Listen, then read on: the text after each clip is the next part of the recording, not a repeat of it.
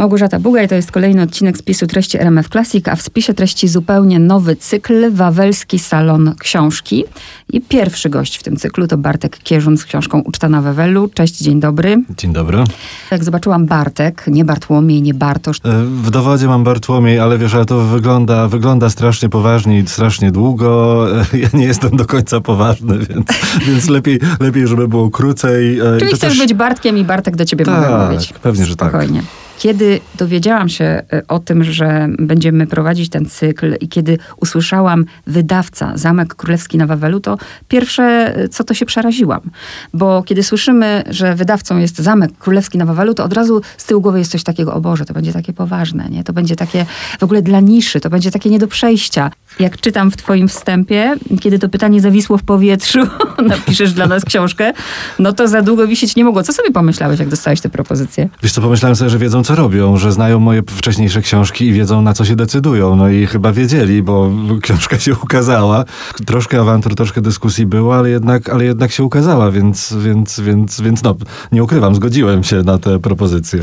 Ja byłam zaskoczona, słuchaj, jak dostałam tę książkę do ręki, jak ona jest pięknie wydana, jakie to jest ładne, po prostu ładne jako przedmiot również. Słuchaj, no to tutaj wiesz, to tutaj, y, tutaj znowu mogę ci powiedzieć tak, kiedy rozmawialiśmy jeszcze o książce, która nie istniała, która była zaledwie pomysłem, to ja od samego początku tak naprawdę wiedziałem, jak chcę, żeby ta książka wyglądała i wiedziałem, z kim chcę tę książkę zrobić. I dlatego, dlatego znowu tutaj upierałem się, wiesz, jak, jak osioł, że tak to powiem, że złożę tę książkę z Olą i którzy, którzy również złożyli moje wcześniejsze książki, bo, bo, bo ja im ufam mamy, wiesz, mamy podobną wrażliwość estetyczną i e, no i właśnie, no i to studio po raz kolejny złożyło mi, złożyło mi książkę. Jestem z tego bardzo powodu szczęśliwy, bo, no bo właśnie, no bo powiedziałaś to, co ja słyszę czasami, no nie będę ukrywać, że te książki są piękne. No i, no i, no i właśnie, no o to chodzi. No. Przewrotnie zadam ci pytanie, załóżmy ktoś zobaczy tę książkę i wiesz, myślę też o podtytule, nie tylko kulinarna, czego on nie znajdzie w tej książce, czego na pewno nie ma tutaj?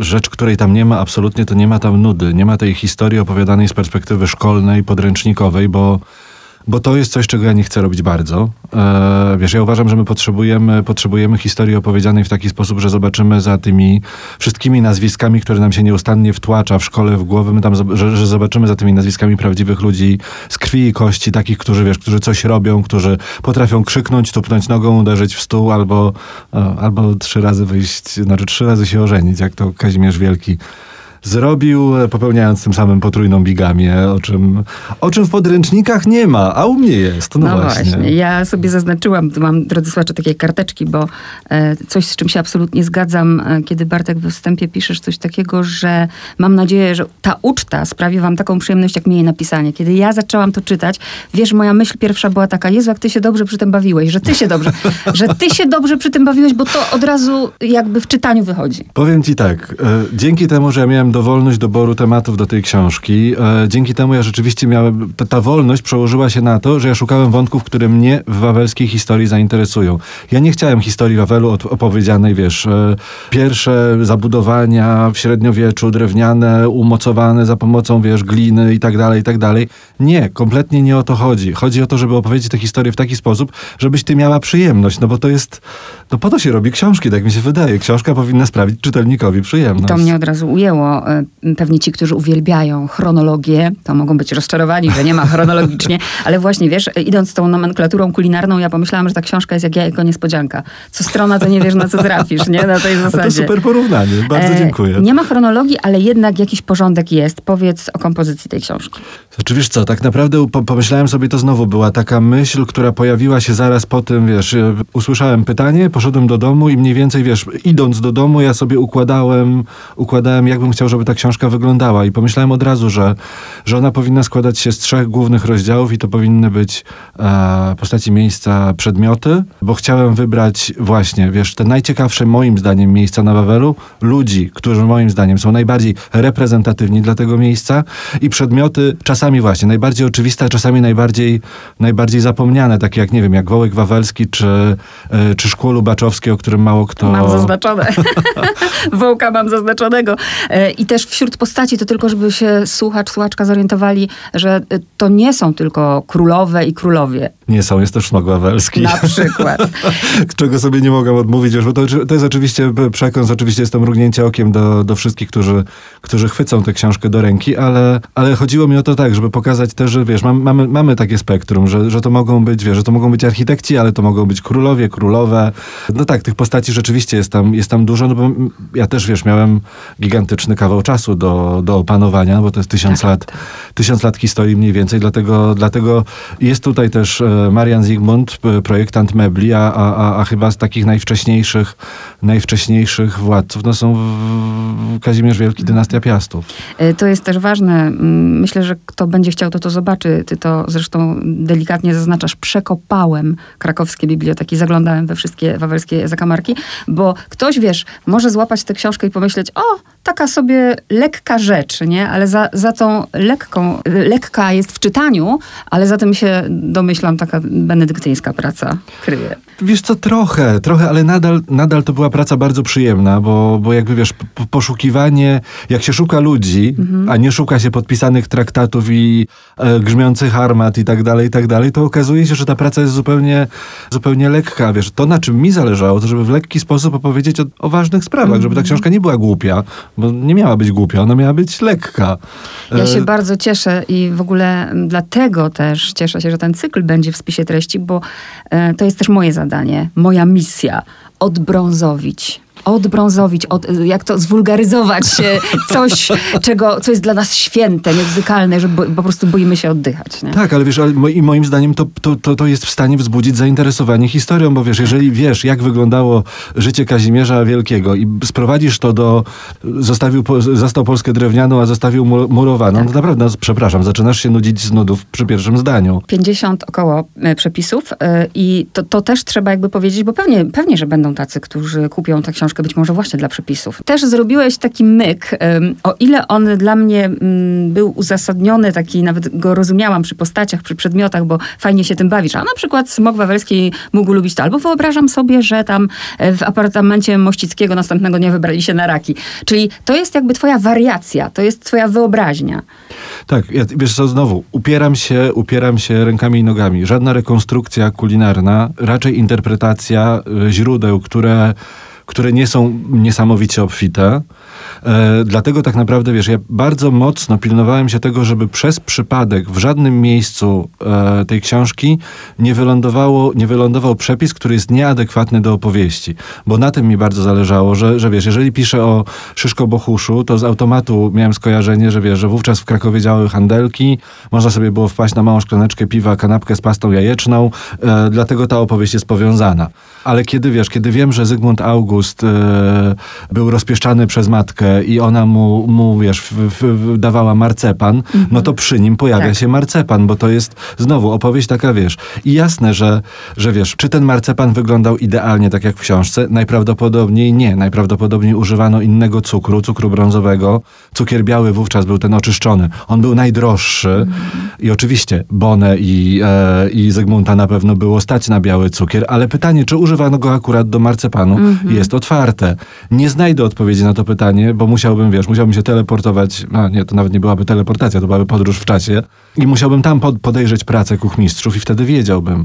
Ale żaden z tych przepisów nie jest od czapy, że tak powiem. Mm -hmm. One są, zawsze jest jakaś nić powiązana, powiązania między treścią rozdziału a przepisem, który go zamyka. Ale tak jak powiedzieliśmy, y, inspiracje, wariacje, nie rekonstrukcje, bo to jest tak. ważne, bo ktoś mógłby, nie wiem, spodziewać się, że tutaj, aha, to ja zjem to, co Bona jadła, otwieram przepis, nie? A tego no nie wiemy po prostu. Widzisz, ale z tą boną, to, z tą boną to tak naprawdę trochę wiemy, bo ja rzeczywiście przy bonie daję przepis, e, tak mi się przynajmniej wydaje, na, wiesz, pracowałem nad tą książką mm -hmm. ładnych parę miesięcy temu, więc nie wiem, czy to jest tak jeden do jeden, ale, ale pojawia się w książce przepis a propos Królowej Bony i on się pojawia z dużym rozmysłem, pojawia się przepis na łazanki. Mm -hmm. e, takie trochę, jak my kojarzymy z, nawet z barów mlecznych. E, dlaczego? No dlatego, że e, wiesz, nasze łazanki tam pobrzmiewa ta włoska lasagna, mm. Co do tego jesteśmy pewni, że to się pojawiło mniej więcej w tym czasie w Krakowie. Co ciekawe, te, te, te polskie łazanki, one też doskonale przechowują pamięć tego, czym pierwsze lasagne we Włoszech były, bo one były dokładnie taką jednogarnkówką wymieszaną. Mm. Dużo bardziej to było podobne do tego, co, co u nas na talerzu jako łazanki, niż do tego, co dzisiaj kojarzymy jako lasagne z e, włoskich restauracji. Więc, więc wiesz, tutaj mrugam, tak, tu może być tak, że to Bona wcinała te łazanki. Ale ty cały czas mrugasz i to też jest ważne, żeby czytać tę książkę w ten sposób, bo z jednej strony właśnie tu może tak być, ale z drugiej strony my żyjemy tymi mitami przecież do znudzenia i do, nie użyję brzydkiego słowa, pamiętam, sama pamiętam z lekcji historii, e, Bona, Włoszczyzna i te, te stereotypy powielane i powielane i powielane. Tak i powiem ci, że ja mam takie poczucie od jakiegoś czasu, że moja praca polega w gruncie rzeczy na walce ze stereotypem. Ja chcę jak najbardziej tego, jak, naj, jak najbardziej chcę tego unikać, bo jasnym jest, że Bona przywiozła ze sobą kucharzy. Jasnym jest, że Bona przywiozła jakieś produkty z Włoch, które rzeczywiście uczyniły kuchnię polską wówczas nieco lżejszą. Natomiast e, Władysław Jagieło był wielkim miłośnikiem cypryjskiej kapusty. Cypryjska kapusta to nic innego jak kalafior. Tego kalafiora nie przywiozła Bona do Krakowa, bo Władysław Jagieło był chwilę przed Boną, jakbyśmy na to spojrzeli, na, na wiesz, na tą chronologię, chronologię wawelską. Więc, więc wiesz, fajnie jest kojarzyć pewne rzeczy, bo ona Włoszczyzna, fajnie, tylko wiesz, znowu, nie przywiązujmy się do tych informacji, bo to wcale niekoniecznie było tak, jak, jak to brzmi. O. To jest chyba dobre. Jeszcze, bo jak zapomnę, to później będę zła na siebie. Te wszystkie zdjęcia, które są bardzo piękne w ogóle tych potraw, rozumiem, że to jest wszystko, co ty ugotowałeś, to wszystko Słuchaj, zrobiłeś. Tak i nie. Ale już wyjaśniam, w jaki sposób tak i nie. Słuchaj, zależało mi przy tym. Ja zazwyczaj do swoich książek zdjęcia robię samodzielnie. E, natomiast w, w, tym wypadku bardzo zależało mi na tym, żeby te zdjęcia były troszkę inne od tych książek, do których e, ja przyzwyczaiłem czytelników w moich, w moich wcześniejszych książkach. I też od razu wiedziałem, że chcę zrobić te zdjęcia z Anią Sarną i z Przemkiem Krupskim. W związku z tym to było w ten sposób. Ja miałem przepis opracowany w domu, oddawałem ten przepis, oni to gotowali i fotografowali, a ja dostawałem gotowe zdjęcia. Ja w ten sposób miałem czas na to, żeby tę książkę napisać, bo nie musiałem jednocześnie być kucharzem, autorem zdjęć i mhm. autorem książki. I jestem bardzo szczęśliwy, bo dzięki temu te zdjęcia też są, wiesz, one są inne, one są bogatsze, one są ładniejsze. A miałeś takie zdanie jakieś, czy, czy w ogóle wydarzyła się taka sytuacja, że oglądasz któreś zdjęcie i sobie myślisz, nie, nie, kurczę, to jest za twarde, to niedogotowane. Nie, jest tak, jak, jest tak jak powinno być i powiem ci tak, e, całą, całą, całe, wszystkie dni sesyjne spędziłem z Anią Sarną i z Przemkiem właśnie w, w, w studiu kulinarnym. Ja siedziałem ze słuchawkami na uszach, robiłem swoje, oni gotowali, a potem my to wszystko zjedliśmy. Więc to jest sprawdzone. To, to nie jest tak, że te przepisy to jest, jakaś, to jest jakiś przypadek. Nie, one są sprawdzone. Jeżeli coś nie grało, to było, wiesz, doprawiane na bieżąco, było poprawiane po to, żeby ten smak był taki, jak powinien być. To jeszcze to pytanie, bo mi ucieknie. Zwróciłam uwagę, wiesz, ja kocham jeść, ale no, gotowanie nie jest moją mocną stroną i bardzo mnie zaintrygowało, bo ja się boję, wiesz, ja, ja dopiero od paru lat próbuję różnych rzeczy i zaintrygowało mnie tam bodajże rosół jest na pewno i mm, szczupak w sosie szafranowym. I zwróciłam uwagę specjalnie, że tam tego szafranu jest 0,1 grama. I sobie myślę, naprawdę to robi taką różnicę? 0,01. 0,01. 0,01. Słuchaj, my rozmawiamy, rozmawiamy o gramie szafranu, nie rozmawiamy o, o większych ilościach. To jest... E, tak, no to, to jest... Ta, taką robi... Opisz mi smak szafranu. Bo nigdy nie jadłam niczego w sosie szafranowym. Słuchaj, lekko chlebowy, to jest taka pierwsze, pierwsze skojarzenie. Szafran rozpuszczony właśnie w śmietanie na przykład. On ci wprowadza taką troszkę egzotyczną, ale jednocześnie troszkę taką chlebową nutę. Takiej, wiesz, takiej przy... przy... Lubię kwas chlebowy. To blisko jesteśmy tego? Nie do końca. Bardziej skórka, wiesz, bardziej gdzieś Aha. ten taki... Takie, no... I 0,01? Tak, i on jest tak sprzedawany w sklepach. W związku z tym tutaj wow. uspokajam, nie da się pomylić. Przepraszam, jeśli ktoś uznał, że to pytanie jest tak oczywiste i idiotyczne, ale ja naprawdę, no jeżeli przyznaję się, jeśli nie mam o tym pojęcia, to mnie to zaintrygowało. Słuchaj, jedna z najdroższych przypraw świata, e, w związku z tym używamy jej rzeczywiście malutko, no nie, nie możemy, nie jesteśmy w barokowej kuchni, w barokowej kuchni mogliśmy tego sypać dużo. Mm. Chodziło też o pokazanie, pokazanie statusu, tak. oczywiście, że tak. E, ale my dzisiaj ze zdrowym rozsądkiem i dla smaku, a nie dla pokazania statusu, dlatego rzeczywiście śladowe ilości. Dziękuję Ci za Jadwigę Andegaweńską. Ja tylko chcę dać słuchaczom i słuchaczkom próbkę. Bardzo mi się to podoba, jak, jak piszesz, jako kobieta z krwi i kości lubiła też jeść. I w, ogóle, że właśnie wbrew pozorom nie była zahukanym dziewczątkiem. Ja nawet specjalnie to podbijam tym czytaniem, bo tak to chciałabym, wiesz, słyszeć. I tak mnie w tym momencie, pamiętam, jak wy, wy, wybuchnęłam śmiechem, uśmiechem, jak ceniła smak obwarzanków, słodkich rogalików, Władysław wolał serniki, ciemny chleb, oboje zaś uwielbiali trzy kropki flaki. Zabawne to było dla mnie bardzo. No tutaj cieszę się, zależało mi na tym właśnie, żeby też pokazać Jadwigę jako nie tę, właśnie, no nie tę umęczoną, e, wiesz, polską, e, polską króla, bo przecież ona była królem, nie królową. E, więc wiesz, bardzo mi zależało na tym, żeby ją pokazać właśnie od tej strony takiej bardziej prawdziwej. No i właśnie, ona była postacią, która rozmawiała z ówczesnymi naukowcami, rozmawiała z profesorami e, uczelni. E, w związku z tym, wiesz, ona też musiała być mądrą kobietą. No to nie było, to nie było właśnie zachuchane dziewczątko Właśnie. rozmodlone w kościele Tak widzimy tylko te i wyłącznie. średniowieczne, No nie, no kobiety, właśnie nie. tak. Dlatego, dlatego ja nie i dlatego jest Jadwiga opisana w taki sposób, dlatego bo ona jest opisana jako znowu pełnokrwista, e, pełnokrwista kobieta i dlatego śmieję się, wiesz, z Karoliny Landskorońskiej, która... Właśnie No. dlatego mam otwartą, ponieważ słuchajcie, Bartek zrobił coś fajnego. Gdzieś przeczytałam, że to są eseje. M, Eseje, ale takie zupełnie nowoczesne eseje i, i bym powiedziała przemieszane z felietonem troszeczkę, z tym stylem e, felietonów. I e, szukasz też pomysłu na, na... Nie jest za każdym razem, tak jak powiedziałam, jako niespodzianka. I bardzo mi się spodobał twój pomysł, e, jak przedstawiłeś Karolinę Landskorońską. Se, seriale, sezon. Nazywając poszczególne etapy jej życia, prawda? Czyli Sezonem. Wydaje mi się, że jej życie to jest idealny materiał na, na, na super, super ciekawy serial i, i wiesz, e, tam, tam jest wszystko. Tam jest, e, e, wiesz, młodość w Lwowie, wielka miłość do, do, do, do, kuch, do kuchni i do e, sztuki włoskiej. E, jest epizod totalnie sensacyjny, przecież ta, wiesz, ta druga wojna światowa i to, że, to, że na niej wisiał wyrok śmierci po prostu, bo ona wiedziała za dużo, bo usłyszała za dużo, bo hitlerowiec się wygadał. No wiesz, no ach, to jest, to jest, to jest pełnokrwista osoba. A znowu wiesz, Karolina Landskorońska ofiarowała wspaniałą kolekcję muzeum na Wawelu. E, ofiarowała, owszem, potem była nominowana do Nike za swoje wspomnienia. No dobrze, znowu była nominowana, no ale to nie wszystko. Przecież ona miała życie. No daj, da, zwróćmy życie Karolinie Landskorońskiej. Tak samo mi się podobało, jak zacząłeś o Bonie, y, opis tego zdjęcia, wiesz, że ledwo ją tam widać, a ta Bona na tym, rzeczywiście ta Bona, chociaż serial zrobił dobrą robotę, bo ja teraz zawsze widzę Śląską Aleksandrę. Mhm, tak, to prawda, to prawda. Nie widzę takiej Bony, którą tutaj mam apetyt na taką zupę kminkową, to a propos mówię, bo w ogóle wz- wzmaga się apetyt. Nie polecam, jeśli, e, jeśli macie Tak, problem. Na głodnego nie. No, zdecydowanie nie. Przedmioty, widzisz, zaznaczyłam sobie wołka wawelskiego, bo te twoje tropy, te twoje poszukiwania, jak ty na wołka trafiasz. Wiesz co, ja, ja na niego trafiłem wizualnie, to, to się przyznaję wprost. Szedłem przez wystawę y, Wawel Zaginiony, słuchaj, i, i zobaczyłem, zobaczyłem Wołka i zacząłem mu się przyglądać i pomyślałem sobie, że wiesz, mnie, ta, mnie ten kawałek kamienia tak naprawdę troszeczkę, troszeczkę uwiódł, za, zaintrygował. Wiesz, chciałem wiedzieć, czym jest, no bo wiesz, wołki to mamy zbożowe głównie w Mące i, i nie wiemy tak naprawdę o co chodzi z tymi wołkami. A się okazuje, że wołek to taki mały wół. W sumie jest zabawnie, bo wszyscy wiedzą, co, co, co, jaka rzeźba mnie zachwyciła. W- Wzruszył mnie rzeczywiście kawałek kamienia zamieniony w kawałek wołu.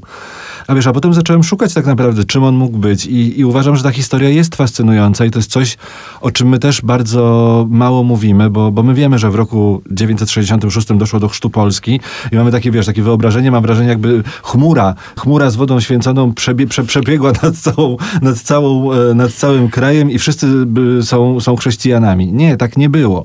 Ochrzczono elity, ochrzczono tak naprawdę nikły procent ówczesnej, ów, ówczesnej populacji, która mogła się postrzegać jako obywatele Rzeczpospolitej, ówczesnej Polski, nawet nie Rzeczpospolitej przecież. A wszystko inne działo się, wiesz, równolegle, wszystko inne działo się swoim torem. E, skoro nie ochrzczono e, zwykłych, zwykłych mieszczan, skoro nie ochrzczono e, ludzi, którzy uprawiali ziemię, no to oni dalej tak naprawdę gdzieś byli w tych swoich wcześniejszych tradycjach i wiesz, to się mieszało, to się mieszało, te żywioły się przenikały i efektem tego tak naprawdę być może jest, jest ten wołek, który najprawdopodobniej jest rzeźbą ofiarną, wiesz, taką sy- symboliczną ofiarą, którą dawano w podziękowaniu za, za obfite plony. Nie wiemy tego, być może. Pewnie, gdyby nie ty, nigdy bym nie, nie dowiedziała się o wołku wawelskim. E, tak mi się wydaje, więc za to dziękuję. Jeśli chodzi o miejsce i kuchnie wawelskie, to mam takie pytanie, ale oni pewnie nie mieli świadomości, bo e, to jest ciekawe e, dla mnie, że jedli te dwa posiłki dziennie. Oni jedli bardzo dużo, czyli mieli tam załóżmy od tej e, 10 do 13 wystawionych tam kilkanaście potraw. Pytanie moje jest takie, czy oni stosowali post przerywany, bo wydawało, i od razu zadałam sobie pytanie na przykład, ile oni ważyli? Czy oni byli szczupli? Bo post przerywany sprzyja temu, że się jest szczupłym, ale z drugiej strony, jak oni mieli to wystawione przez kilka godzin i tego było tyle dużo, to oni przez trzy godziny cały czas jedli, czy tylko delikatnie próbowali? Nie wiesz tego. Słuchaj, nie wiem tego, zakładam, zakładam, że taka obfitość jedzenia miała na celu zaspokoić gusta wszystkich dworzan, więc to nie było tak, że twoim obowiązkiem było przyjście i zjedzenie 18 misek wszystkiego, tylko było na przykład to z myślą o tobie, coś innego z myślą o, o, o, kimś innym. Na pewno też było tak, że wiesz, były, były przyzwyczajenia, preferencje, być może również jakieś alergie, być może nie nazywano tego jeszcze alergią, ale wiesz, ale mogło być tak, że nie mogłaś jeść czegoś, więc miałaś jednak ten wybór y, troszeczkę szerszy. Myślę, że potrafili niektórzy być mocno otyli. Jedzenie było wielką namiętnością. E, wiesz, no, Korybut Wiśniowiecki e, jego śmierć ma związek z jedzeniem, choć nie ma związku z korniszonem, to jednak, to jednak, to jednak, to jednak ma związek z jedzeniem, bo, no bo, no bo nie ma się co oszukiwać, jak jak miałaś pieniądze, to bycie żarłokiem było stosunkowo łatwe, więc, mm. więc trochę jest to opowieść o tym. Ale, ale na pewno nie wszyscy. To znowu są indywidualne preferencje. Wiesz, wiemy, że Jagieło nie pił, nie pił żadnego alkoholu, pił wyłącznie wodę źródlaną. E, bał się, że będzie otruty, więc, więc wiesz, jego, ta, ta, ta część e, stołu e, w płynie jego nie zawierała żadnych kalorii, więc, więc on, mógł być, on mógł być szczupły. No, a... Taki biedny, bo z tego strachu biedny nie jadł, nie? Ale no to tak, wiesz, tak. wiesz, że mnie też zawsze to dziwiło, bo e, zresztą to nie tylko wtedy, ale nawet i teraz. Z czasem trucizna zadziała po trzech godzinach dopiero. No to jaki to był sens, żeby ten kucharz spróbował i aha, nic mu się nie stało, no to jem? Roz, trucizna rozpuszczona w, w, Tutaj nie rozmawiamy o jedzeniu, bo, bo to jest... Ha, widzisz, bo to jest to będzie długa odpowiedź na twoje pytanie. E, Jagieło bał się, że trucizna będzie w płynie, ponieważ e, truciznę łatwo było rozpuścić zarówno w piwie, jak i w winie, a jednocześnie smak wina i piwa był w stanie zamaskować, przykryć bardzo ładnie smak trucizny. Dlatego on sięgał tylko po wodę. Mhm. Natomiast jeżeli chodzi o jedzenie, e, to z kolei wiesz, jest, e, ja nie pamiętam gdzie ja to czytałem, ale jest taki wspaniały opis e, takiej realności ucztowania w średniowiecznych zamkach. No i to było tak, że jedzenie trafiało na stoły, ale zanim ono trafiło na stoły, to najpierw musiało przejść całą, całą drogę. Czyli był ktoś, kto próbował. Potem jedzenie stało i czekało, czy się coś wydarzy, czy się nie wydarzy.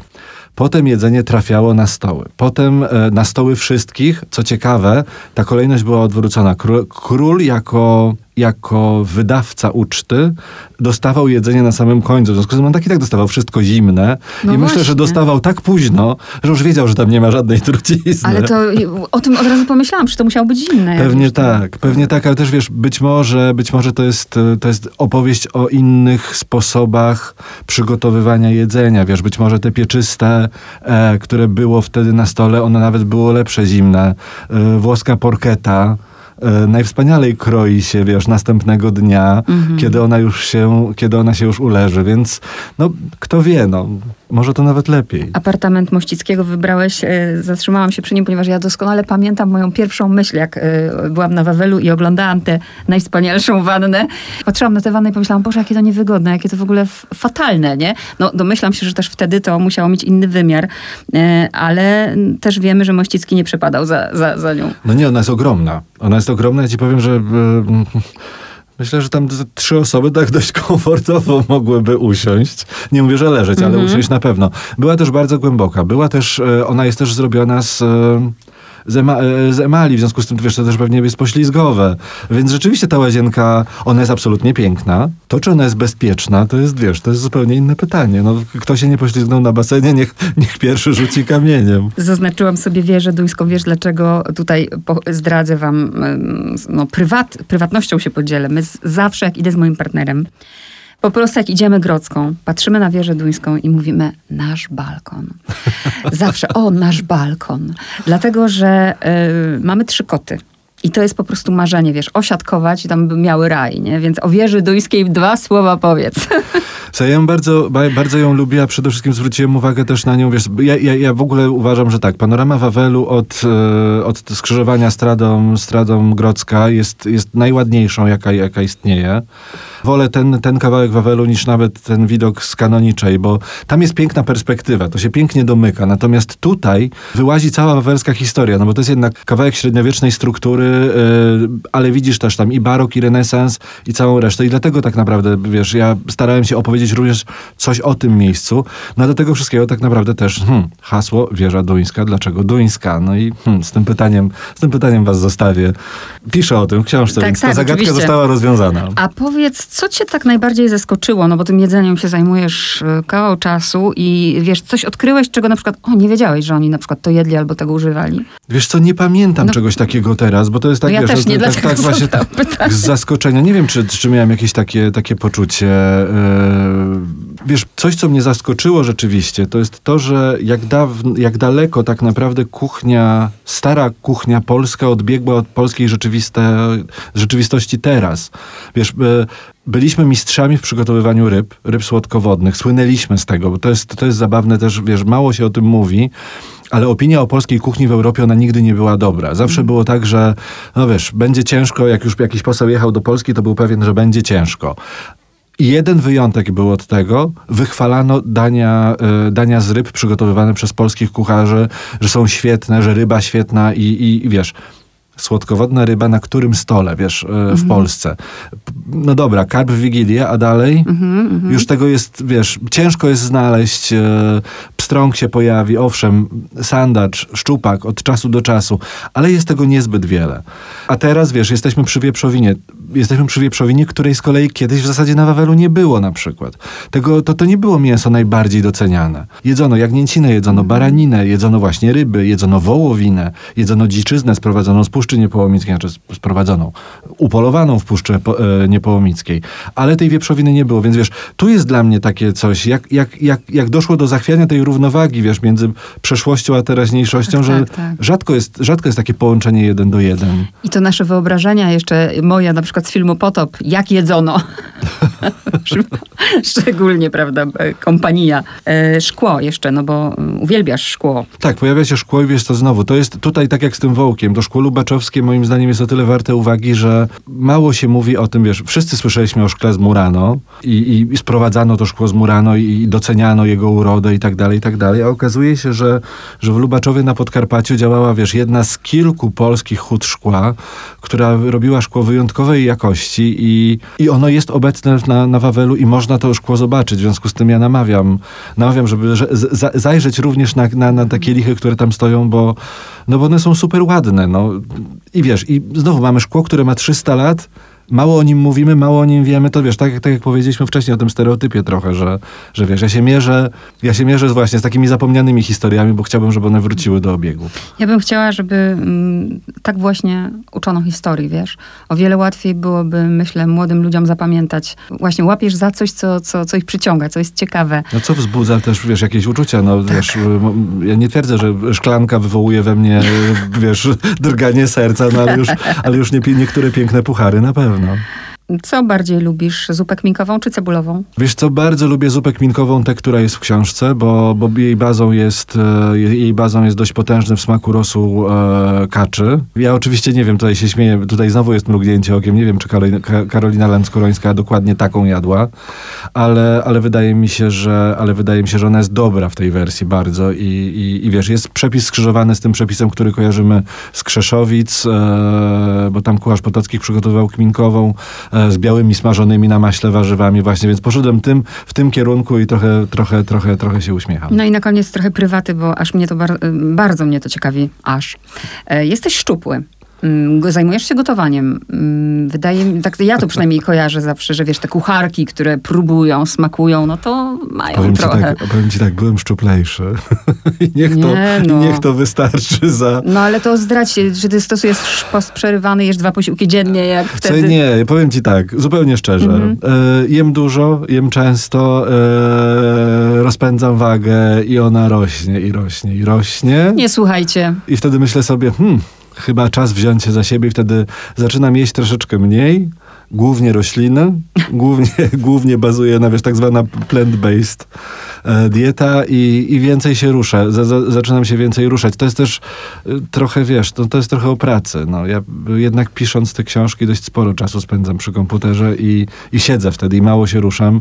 No i wiesz, o, i obrastam. No. To ja po polsku na koniec powiem smacznego Państwu i bardzo dziękuję Bartek Kierzun. Dziękuję bardzo, do usłyszenia.